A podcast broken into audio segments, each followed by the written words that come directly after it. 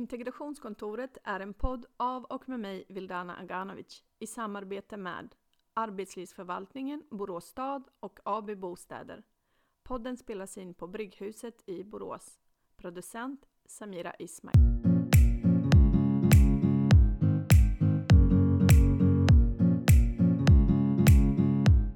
Hej och välkommen hit Narin. Hej! Hej!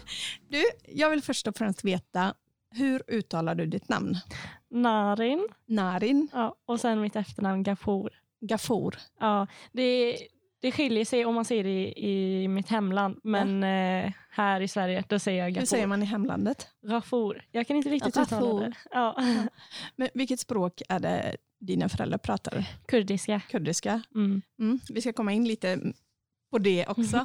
Men vad kul att du kunde komma hit. Ja, tack för att jag fick Ja. komma. Du är min eh, enda ungdom i programmet. Jaha, vad kul. Ja, och den som jag faktiskt tycker är mest intressant att prata med. Mhm. Nämen. Ja, eller hur? Ja, fint ska det vara. Jo, så här är det. Eh, jag vill jättegärna veta eh, vem du är. Mm. Berätta lite om dig själv. Ja, jag är 19 år gammal, tog nyligen studenten. Så just nu jobbar jag på, som simtränare och på en restaurang. Mm. Men eh, annars så brukar jag... Ja, jag har haft en väldigt mycket med ledarskap att göra. Jag gick ett naturprogram med inriktning ledarskap. Ja. Så eh, då har jag haft lite så här uppdrag med ledarskap och jag har samarbetat med kommunen väldigt mycket. Så eh, ja. På vilket sätt? eh, Vad, vad samarbetar ni i? Vad, vad gjorde du? Jo, men de eh, kan komma och fråga om jag kan exempelvis prata. Senast igår så var jag på, eh, hur ska jag förklara? Vi, de hade ett projekt som hette En kommun fri från våld. Ja. Och då hade de utbildat mig som en ung utbildare inom våldsprevention. Ah, Så du får eh, bjuda mig nästa gång. ja, nu är projektet över. Så igår hade vi, hur ska man säga, slut, eh, slutkonferens om man ska, Mm. eh, och förklarade lite hur, eh, hur det har gått de här fem åren. Och då fick jag exempelvis berätta hur det kändes att vara som en ung utbildare och varför unga borde vara en del av det här. Och eh, varför våld, eh, våldsprevention ska vara en rättighet för ungdomar också. Ja, vad viktigt. Mm. Viktigt och, och otro, otroligt intressant också. Men eh, hur, hur länge har, har det här, eh, hur, hur länge har du jobbat med det? Hur länge har du varit ledare? Ledare, ja.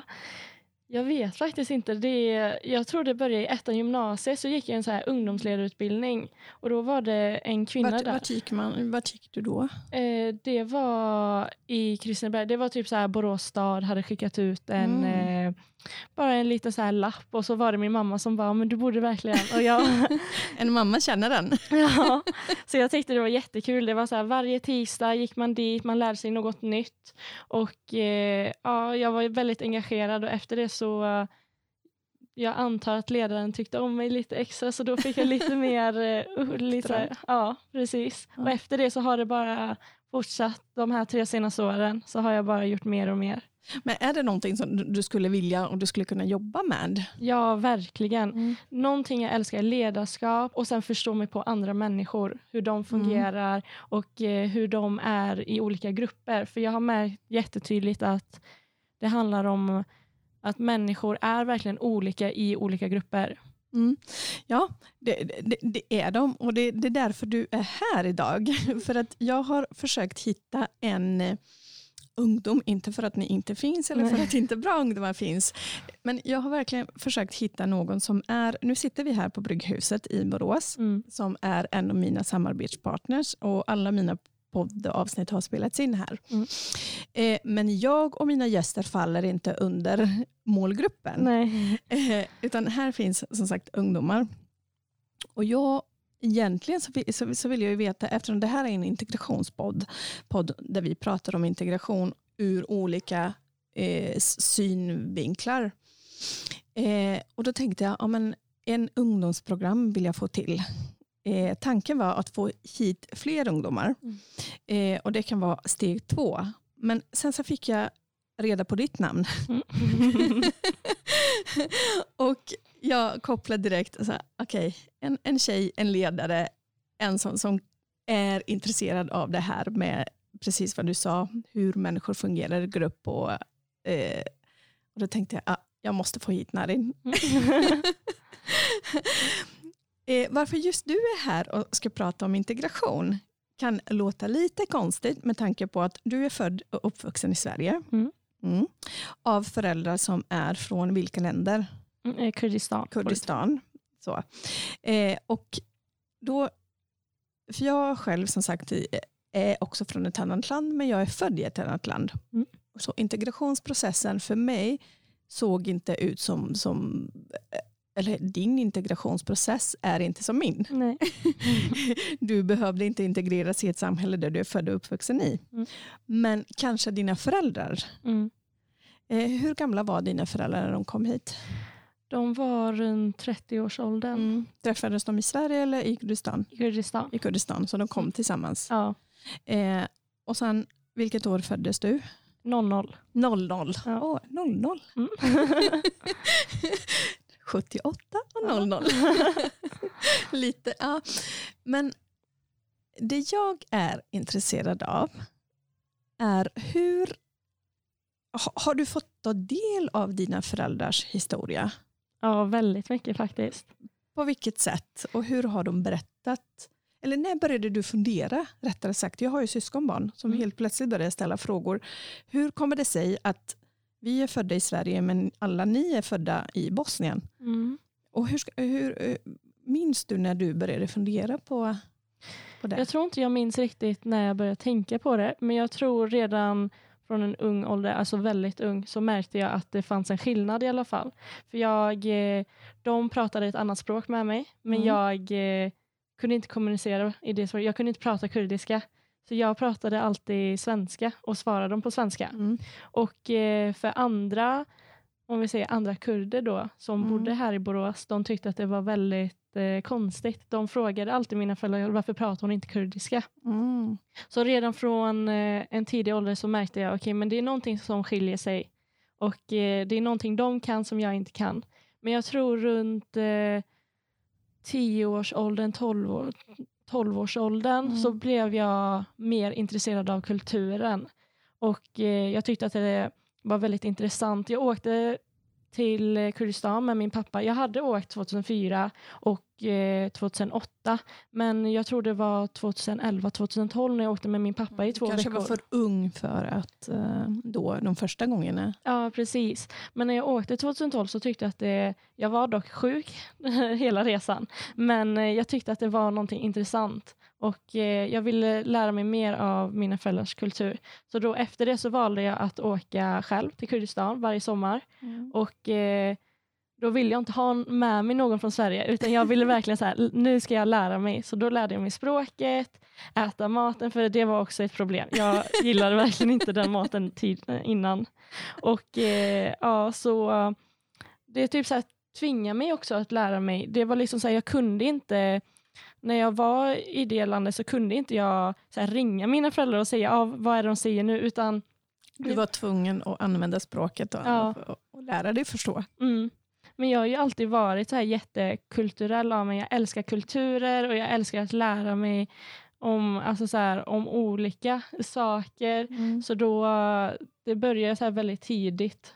Och jag insåg väldigt tidigt att det skiljer sig hur det är i Sverige och hur det är i Kurdistan. Det kunde vara som en liten grej att eh, man, man säger shampoo Mm. på kurdiska, men på svenska säger man shampoo. Ja.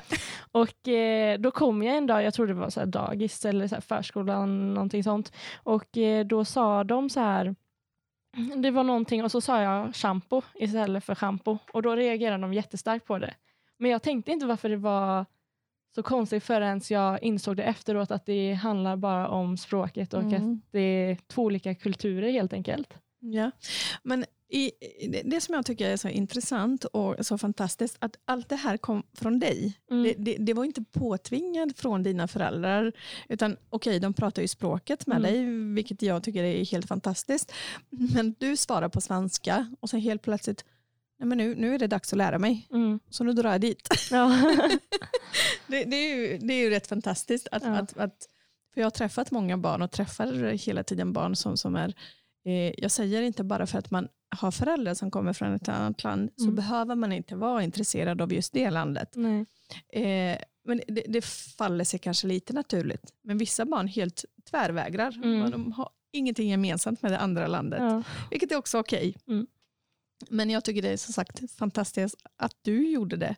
För när jag överför din historia till exempel till mina syskonbarn, Mm. eh, som är precis som du, födda och uppvuxna här. Tre stycken av dem pratar eh, redan från, från tidig ålder så pratar de bosniska. Mm. Men sen har vi en tvååring som, som, som svarar bara på svenska. Mm. Nu har han börjat eh, slänga in lite ord här och där. Men så, så brukar vi skratta, okej nu har vi en svensk också. Mm. Helt svensk i Ja. familjen. Men hur... Jag är intresserad av en sak också här. Eh, när, man är, när man är född och uppvuxen i Sverige av föräldrar som, som, som är från ett annat land. Eh, dina föräldrar, när du föddes, var de, skulle du säga, integrerade i samhället fullt ut? Hur såg deras liv ut innan du kom? Eh, jag skulle nog säga, mina föräldrar har alltid varit lite moderna av sig. Mm. Men eh, de har ju utvecklats. Det var inte så att när de kom hit så var de direkt en del av samhället. Nej. Jag vet att eh, mamma brukade säga att det tog tid tills hon lärde sig svenska och Mm. att det handlar om att när jag hamnade i dagis och kom hem och pratade svenska så lärde hon sig av det också. Och eh, De har ju kämpat väldigt mycket så jag tror det handlar mycket om att de har utvecklats med tiden. Jag tror inte någon har jätteenkelt för att komma till ett nytt land och bara integreras fullt ut direkt. Nej, det är, det är väldigt många förväntningar på oss som kommer från andra land, Mm. länder och det förstår jag varför. Man vill ju att Ja. vi ska vara en del av samhället. Men jag vet inte om den förståelsen finns alltid hos Nej. alla. Att det tar ju tid. Mm. Att, att, eh, men sen när, när, när ni föd, föds, jag säger ni, nu räknar jag Mm. dig och mina Ja. syskonbarn och alla de senare generationerna. Eh, eh, jag tror, och, och du får rätta mig om jag har fel, men jag tror att det är först då man börjar känna sig som en del av det nya landet. Mm. När den nya generationen kom. Ja. Och då, då kan, kanske man ta till sig mer av, av den. För att det är som du säger, det, det är olika kulturer. Mm. Eh, men vad skulle du säga är den största krocken mellan dig och dina föräldrar? Mm. Kulturella pratar jag nu. Ja. Hmm. Jag vet inte riktigt. Det kan ju vara... Ja, det är en väldigt svår fråga. Man tänker inte på det förrän det händer. Och det kan ju vara... Jag ställer frågan till dig men jag vet inte heller Ja. svaret. Nej, jag vet inte. Det är väldigt svårt. Ja. Det, det kan ju vara... Egentligen brukar det bara vara så här små saker. Men jag tror det har blivit... Jag tror det skiljer sig väldigt mycket från nu. Från, Mm. Om jag hade jämfört det tio år tidigare. För att de har utvecklats så mycket och eh, integrerats ännu mer, ännu mer, ännu mer. Och till slut så, när de har varit här längre än vad de har varit i sitt gamla land, så blir det Exakt. liksom så här, då blir de en del av det här samhället. Mm. Men eh, ja, det är en väldigt svår fråga. Jag vet faktiskt inte. Nej, för jag tänker också att eh, så, såklart så nu har de varit här längre än vad de har varit i sitt land. Mm. Och det, det har jag också. Eh, och det, då tänker jag inte lika mycket, lika mycket på det. Men jag vet inte, men sådana frågor tycker jag är väldigt intressanta. För det, det, det där med integration, eh, man tror alltid att det är någonting som, som sker mellan, om vi nu säger eh, födda svenskar med svenska föräldrar, svensk Mm. bakgrund och alla andra invandrare. Mm. Man tänker kanske inte att även inom familjer Mm. så uppstår kulturkrockar på grund Ja. av olika födelseländer. Mm. och jag, jag kan tänka mig, jag, jag frågade dig för jag tänker, okej nu betraktar jag mig själv som svensk, Ja. men någonting kommer säkert dyka upp med mina syskonbarn där de känner att oh, den bosniska tanten, Ja. hennes förlegade syn på saker och ting. Men under din uppväxt, hur såg din, din, ditt umgänge ut? Det var väldigt blandat. Det var, jag hade, mm, vi hade ju familjekompisar och då hade de barn i min ålder och som var, alltså de var kurder. Och eh, sen så gick jag ju i, skolan då och då var det blandat både så här eh, hur ska man säga, utländska barn och svenska barn. Mm. Så eh, det är ju sett olika ut. Det har gått lite fram och tillbaka. I vågor. Ja, precis. Eh, när, du, när du tittar på det, för jag är väldigt intresserad av det här, eh, av själva temat och själva företeelsen rasism. Mm. Eh, och jag vet hur det såg ut på 90-talet när jag Mm. kom till Sverige.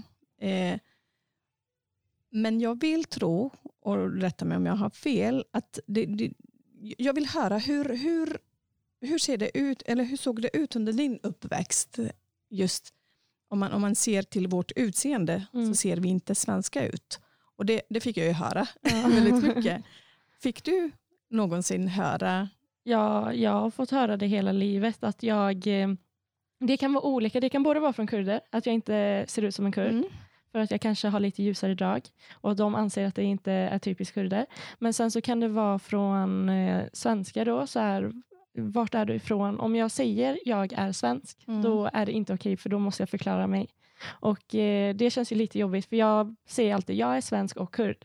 Men om jag vet att syftet är att de, eh, att de har ett dåligt syfte, Mm. då vill jag ändå inte provocera, men jag tycker det är lite roligare när jag bara säger det ena, Ja. för att det känns mycket skönare.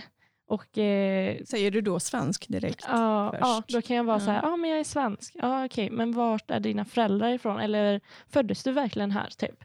Och då blir jag så här, ja, jag föddes här i den här staden. Men eh, Jag är boråsare. Ja, precis. Mm. Det, jag tror eh, en grej som jag tyckte var jättejobbigt var att eh, när jag jobbade som simtränare för typ två, tre år sedan så hade jag ett, då var det ett innebandylag som skulle så här, få träna lite simning. Mm. Och jag märkte direkt att då, Vilken ålder var eh, laget i? de, de var lika gamla som mig. Så Okej. då, då, då, vid den åldern var de typ 17 kanske. Och eh, då så märkte jag att deras reaktion var typ så här, aha, ska hon här träna oss? Och då kändes det verkligen som att På vilket sätt märkte du det? eh, hur de, direkt när jag kom så skrattade de, de blev lite chockade. Jag förklarade så här, ah, hej, ja, det är jag som ska träna er. Och eh, de, man märkte att de blev lite chockade, viska och man märkte deras reaktion var inte så här, ah, okej det här är vår tränare, nu tar vi det seriöst. Var det här tjejer eller killar? Det var killar. Killar. Så det kändes som att eh, eftersom jag var utländsk och eftersom jag var tjej Mm. så eh, verkade det som Då är det att de dubbelfel på dig. Inte, ja, då var det så här nej. Men eh, då, ja, då gav jag tillbaka, då körde jag extra hård träning bara. Vad bra. Ja. Men fick du det bekräftat att det handlade just om det? Att du, nej, det var- fick jag faktiskt Nej. inte. Nej. Men det kändes verkligen så eh, från första start. Och det känns som att när det handlar om eh, att man är utländsk så märker man det ganska snabbt. Ja. med det, alltså en persons reaktion. typ. Och det, kan ju, det är inte bara svenskar, det kan ju vara från ett annat land Mm. också. Så, Jo. Jag, jag, jag håller med dig där. Mm. Eh, att det är någonting subtilt. Man kan inte alltid sätta fingret på det. Därför Nej. jag frågar, fick du det bekräftat? För det får man inte alltid. Och, och, och när man får frågan så känner man sig kanske lite dum ibland. Jag har Ja. fått känna mig dum. Men det som du säger, när vi är så tränade och vi har fått frågan så många gånger, Mm. då blir man ju tränad ja, på att känna av vibrationerna, varför någon säger och tittar och frågar precis Mm. den här frågan, är du verkligen född här? mm, Varför ställer man en sån fråga till någon som säger, jag är svensk?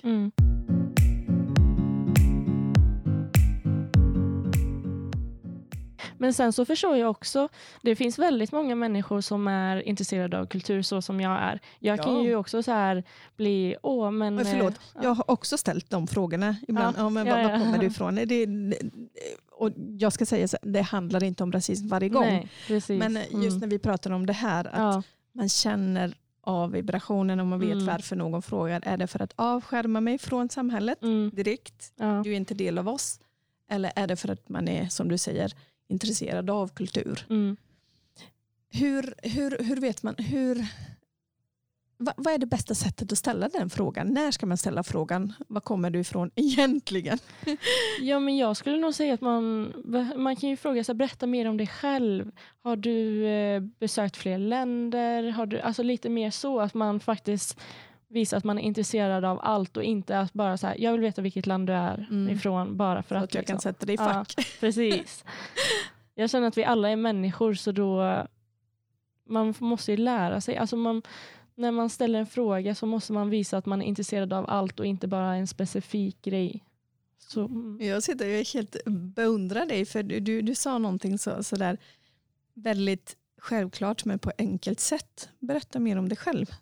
Mm. Inte berätta den exakta saken Nej. jag vill veta utan berätta Mm. du, det du vill berätta. För sånt, om man har en bakgrund från ett annat land så Mm. kommer det ju fram ja. som en intressant sak och inte som en negativ Nej, precis. sak. Eh, nu, dina bästa vänner, Mm. eh, vi- vilka, är, är de födda i Sverige? Är, har de föräldrar från andra länder eller är de helsvenska? Eh, jag skulle nog säga mina närmaste vänner är faktiskt kurder. Ja. Två av dem föddes här i Sverige. Och eh, då är, en av dem är jag så familjekompis med, så jag har ju Mm. känt henne sedan jag föddes. Och eh, den tredje flyttade hit för några, typ ti- eh, 2009 kanske. Men eh, ja, det, märks, alltså det märks ju inte, så jag tänker inte på det direkt. Nej, men pratar ni någonsin om din generation? Jag vet inte, I min generation pratar vi väldigt mycket om de här frågor. Mm. Eh, och, och identitet pratar man ju om i alla åldrar Ja. egentligen. Men nu har vi en till dimension till det här med, med identitet. Eh, pratar ni om det? Ja, du jättemycket. kompisar? Vi kan ju sitta, alltså, vi kan ju prata väldigt mycket om kulturkrockar. Mm. Typ, ja ah, det här hände idag och det... Har, du, har, har du någonting som, jag älskar kulturkrockar. Ja. Det är det bästa sättet att mötas på tycker Ja. jag. Mm, ja, jag vet inte. Det kan ju bara vara ett beteende som exempelvis eh, just vi kurder kanske inte har. Som eh, andra kanske har från Mm. en annan kultur och då kanske vi påpekar det. Eller typ att eh, vi lyfter upp stereotyper från olika länder. Mm. Att det är också en rolig grej att prata Ja. om.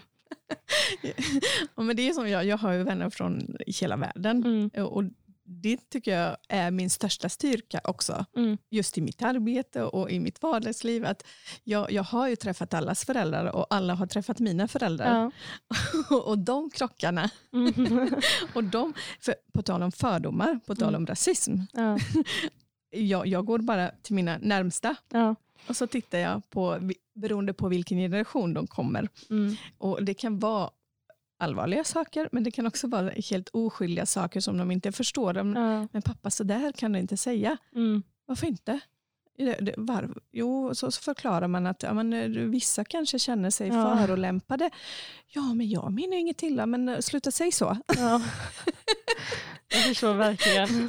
Och så, och så kommer man till, till en libanesisk familj där så här, fördomarna om allt alla Ja. bara haglar över en. Och, och så sitter vi och skrattar åt det för Ja. att det är en viss generation. Mm, Men nu 2020 så har vi kommit förhoppningsvis ja, lite längre. lite längre. Och min generation är- det lite si och så, Mm. men din generation är min, mitt hopp. jo, men jag skulle...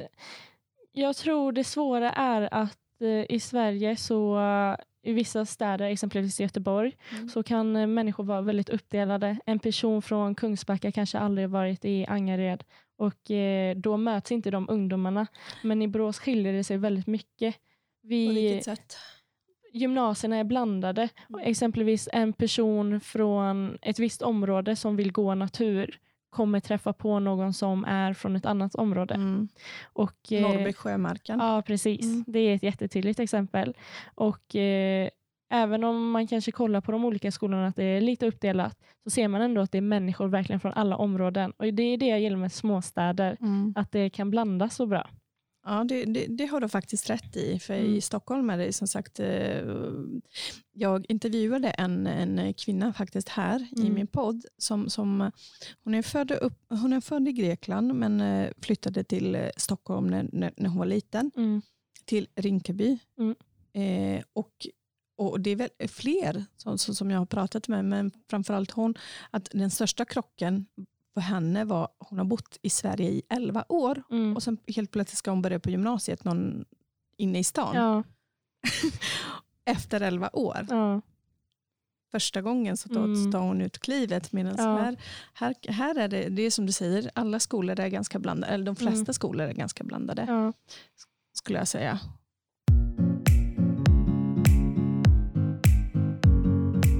Vad kan vi göra för att, för att blanda upp det? För att det inte ska vara segregerat inom skolan. Vad tycker du? Eh, jag skulle nog säga att eh, förklara för ungdomar att de kan bli vad som helst. Det känns som att olika att man lägger alla i ett fack typ. Att om du är från det här landet så ska du bli det. Det finns ju redan ett skämt Mm. så här.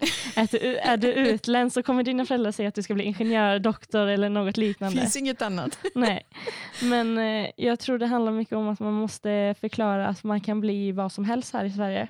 Och att man ska vara tydlig med det så att, eh, att vissa ungdomar inte bara går till en viss skola bara för att de tror att det är det enda jag kan bli, det är det enda Och det som förväntas av mig från samhället. samhället. Precis. Eh, jag, ibland så känns det faktiskt så. Och jag, jag, vill, jag vill, men som sagt, jag är en annan generation än vad du är. Ni Mm. kanske tänker, eller jag och min generation kanske har fel tankar om er.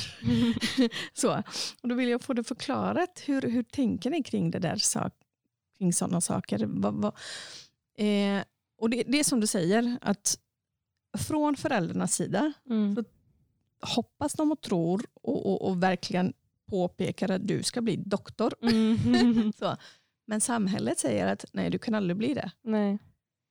Det blir, där blir det verkligen en krock. Ja. Att eh, samhället förväntar, någon, eh, förväntar sig en grej men föräldrarna förväntar sig en annan grej. Och jag förstår verkligen föräldrarna. De har lämnat sitt liv från ett annat land för att ge sina barn en möjlighet. Och sen så kommer man till landet och de möjligheterna som man har kanske inte riktigt eh, man, det är som att de eh, lägger en vägg, att det är möjligheterna på ena sidan, en vägg och sen så är Mm. det en själv och man måste ta ner den här väggen. Och eh, då känns det ju väldigt jobbigt. Många orkar ju inte det. Och då tar Mm. man det lättaste, det som finns jämte en istället, än att försöka bryta ner den här väggen. Hur bryter man ner väggen, tycker du? Jag tycker att eh, genom att kämpa, genom att engagera sig och inte lyssna på andra, man ska göra det man själv vill. Jag vet att det är väldigt många, exempelvis lärare, som kan säga men jag tror inte du kommer klara det där riktigt. Och jag Mm. tycker att man ska kämpa ändå. Och eh, det, Man brukar ju typ säga så här, sikta mot månen så kanske man hamnar vid, så här, m- eh, vid stjärnorna Mm. eller någonting sånt. Och då har man ju ändå kämpat och kommit så långt som möjligt. Och då kom, behöver man inte ångra sig senare, typ så här om 30 år och jag jobbar som eh, jag vet inte, jag kanske jobbar som undersköterska men så ville jag bli en sångerska. Och om jag, då kommer jag ju ångra mig till slut och se varför försökte jag inte. Mm. Men när man till exempel, man kanske inte har den kraften. Det, har, har du träffat på sådana lärare som du precis nämnde som säger att ja, men du kanske inte klarar det här? För Ehm. lärarens roll ska väl egentligen vara något helt annat Ja, och uppmuntra precis. istället för att klippa vingarna på en. Mm, jag skulle nog säga att jag inte jag har inte träffat på sådana lärare personligen för jag, jag lyssnar inte på lärare på det sättet. jag brukar gå Bra, till kritisk lektion. öga mot Ja. allt och alla. Ja, men eh, jag gillar ju att förstå mig på människor och då märker jag lite lätt eh, om eh, en lärare är där för att undervisa eller för att lägga sina personliga åsikter på en. Och när det kommer till personliga åsikter då backar jag. Ja. Ja. Nej, men för, för mig det gör all- så här, alltid lite så här, ont i hjärtat när jag Mm. hör att människor som, som, är, som jobbar med barn Mm. eh, inte uppmuntrar. Nej. Jag vill, jag vill verkligen tro att, att, och jag vet att de flesta lärare är bra lärare. Mm. Mina lärare, hade jag inte haft så bra lärare, men det ser jag Mm. nu först här, 20 år Mm. efter vad de har försökt göra med mig. Ja. Från min första lärare i Ånge som, som vägrade prata engelska med mig Mm. när jag inte kunde svenska. Ja. Jag avskydde henne. Mm. Jag trodde hon var galen, hon var rasist, hon var allt möjligt. Ja. Men jag förstod först nu att nej men hon ville ju uppmuntra mig, lära mig att prata. Mm. Eh, och, och sedan andra lärare som, som försökte sätta gränser och som försökte vara mycket mer än lärare. Mm. Då, då, jag hade två här, bra exempel från, och hade jag inte haft dem Mm. så hade, hade det inte gått så bra för mig. Nej. Men eh, jag minns också tydligt den andra sidan. Mm. Och det, det, jag tror att det var någon studievägledare som sa till mig att ja, men du, kommer inte, du, du, du klarar kanske inte det här, du Mm. kanske ska välja det här. Mm. Eh, och så valde jag det som hon tyckte. Ja. Så det, ja, men det är som du säger, här i Sverige kan man ändra sig Ja. hur många gånger som helst. Det, det, jag tycker bara att alla vuxna borde vara tydliga för ungdomarna. Vi har, fått, vi har möjligheter och att vi borde kämpa. Jag tycker inte det ska vara någonting annat mer än så. Jag tycker inte att andra ska säga nej, men jag tror inte du kommer klara det. För det vet man ju inte. Alltså man vet inte hur mycket vilja en annan människa har egentligen. Nej. Och vilka, för vi har ju som sagt alla olika förutsättningar, men med rätt Mm. stöd. Ja. Och det är det jag menar, att när, man ser att man kanske inte har samma för, två barn har inte samma förutsättningar, men Nej. den som inte har ska man kanske pus- pusha igång lite Ja. extra istället för att säga att men, ta den lätta vägen. Mm. Eh, men vad, vad ska du bli? Det är en dum fråga, vad ska du bli när du blir sto- stor? Jag hörde en väldigt bra grej, man ska aldrig fråga barn, nu är du in- inte ett barn, men man ska inte fråga barn vad vill du bli när du blir stor, Mm. utan hur många saker du vill bli. Ja, visst är det ja. en bra grej? ja. Jag hörde det på, på någon, eh, jag vet inte vad, men jag, jag tog med mig det. Det låter jättebra. Hur många saker vill du bli? Oj. Jag kommer ihåg det här. Jag fick den frågan i ett klassrum en gång också och då sa jag att jag ville bli så mycket. Jag ville typ så här ha en egen stad. Jag ville... Egen stad? Ja, alltså typ så att jag själv det är kunde. faktiskt första gången jag hörde. Berätta, hur Ja, men- ska den staden se ut? Mm, det vet jag inte, men jag ville bara alltså, skapa mina egna regler, skapa en egen civilisation. Envåldshärskare. Jaha, nej. nej, men så att det gynnar alla. Och eh, Jag vet inte, jag, tyckte, jag fick väldigt mycket inspiration det här med att de i Dubai, så ska, det var en helt, alltså det var ju öken från början och sen så bara de byggde och gjorde allt möjligt. Och eh, Jag tyckte att det var väldigt intressant och jättegärna ville göra det med. Men, eh, och sen typ när jag var yngre så ville jag ju bli designer, älskade att pyssla och sånt. Ja. Ett tag så ville jag också bli. Ja. Men det, det är inget yrke enligt våra utländska föräldrar. Dock Nu är det det. Ja, ja. ja, jag vet att mamma, varje gång hon, hon älskar ju musik och sånt, så hon brukar ju typ säga så här, "Åh, jag fick inga döttrar som kunde sjunga. ja, så hon ville ju att jag skulle bli så här sångerska eller något så här kreativt. Kan du typ. sjunga? Nej. Nej, verkligen inte. Mamma kan. Ja, det tycker jag. Ja. Men eh, så jag har ju fått väldigt mycket tankar här fram och tillbaka. Så här, Åh, det här är kul, det här är kul, det här är kul. Men sen så kommer man till den åldern där man måste välja, alltså 18-19. Mm. Och eh, då blir det blankt. då vet jag inte. Nej, för, men, eh, jag tror Mm, att det kanske har att göra med det här att man tror när man väl börjar mm, så ska man ge allt, satsa allt och så ska man bli det man blir. mm, Då måste det vara genomtänkt. ja. Men jag tycker inte att det måste bli det. Nu som 41-åring Ja. så känner jag att strunt samma. Börja, börja på någonting. Känner du att det är rätt, fortsätt. Känner du inte att det är rätt, lämna och, och så byt spår. Jag tycker att man ska kolla efter sina styrkor. Det brukar hjälpa en del. Vad har jag för styrka som person? Exempelvis jag som älskar att vara så här, hålla på med ledarskap och sånt. Mm. Då tycker jag att jag ska försöka framhäva det här och fortsätta på det. Precis. För då, om man ändå gillar det och man vet att, man är en styrka, alltså att det är en styrka och att man är duktig på det så kan det leda väldigt långt. Ja. Och sen så vill man inte hålla på med det så är det ju bara att byta. Det är det som är det sköna med Sverige, tycker jag i alla fall. Men det gäller också att ha uppmuntrande föräldrar. Mm, det är sant. För, och, eh, vad, vad, vad, nu som 19-åring, vad kan, du, vad kan du ge för råd till andra ungdomar som kanske inte har lika uppmuntrande föräldrar som du har? Vem, vem är det de ska ta hjälp av? Ska- sig själva. Sig De ska själva. lägga fram positiva, positiva egenskaper med sig själv. Mm. Jag tycker att de ska sitta och tänka på vad har jag gjort idag? Vad har jag lärt mig? Och eh, vara lite självkritiska också. Man är ju inte perfekt så man kan ju fortfarande utvecklas. Det är ju, man kan ju tänka, man ska inte alltid bara tänka gott. Man ska ju tänka, okej men det här kanske är en dålig egenskap med mig. Och hur kan jag utveckla det? Vi hade ju väldigt mycket det ettan gymnasiet. För vi, det var en ledarskapsutbildning. Så satt vi, vad kunde jag göra? Frågan var, vad kunde jag göra annorlunda efter en uppgift? Och jag tyckte det var någonting som jag, det är någonting som jag alltid tänker på. Vad kunde jag göra annorlunda? Och eh, hur kunde jag utvecklas? För då tänker jag, exempelvis jag lärde mig tidigt i gymnasiet att jag inte har någon tålamod. Och efter det så har jag ju verkligen försökt utveckla det. Eller att jag, eh, ett tag så pratade jag jättemycket, kanske inte gav andra plats att prata. Och eh, till slut insåg jag att nej, men ibland kanske man kan ta ett steg tillbaka och bara Backa lyfta lite. andra. Typ. Mm. Och man behöver inte alltid synas och visa att ja, men jag är bäst, utan man kanske kan lyfta andra och att de också kan vara, alltså att man samarbetar istället. För man Gud vad du lär mig saker. Nej, men, eh, precis så är jag också eh, än idag. Mm. Jag, jag försöker verkligen tänka på det. Men, men ibland när man brinner för, för ett ämne så, så förlorar man sig just i ämnet utan Mm. att se till gruppen att ja, men det är kanske någon annan som har något mer att säga och något Mm. bättre än vad jag har Ja. och, och komma med. Och, men jag önskar att jag hade lärt mig det när jag var 19 Mm. och inte 41. Och jag önskar också att, att jag hade fått den frågan som du har fått. Vad, vad, vad kunde jag ha gjort, gjort annorlunda? Mm. Vilken viktig fråga Ja. när man är 15. Mm. Jag tror man lär sig väldigt mycket av det. Och eh, Jag tror det blir en tankeställare också. Jag tror inte det finns någon ungdom som är perfekt. Ingen 15-åring och Det ingen finns ingen 19-åring. människa som är perfekt. Nej. Vad är perfektion? Vad är normalt? Ja, men, Ja. Sådana frågor kan man ställa och vrida och vända hur mycket som helst. Mm. Och sen jag tror man kan koppla det till integration också.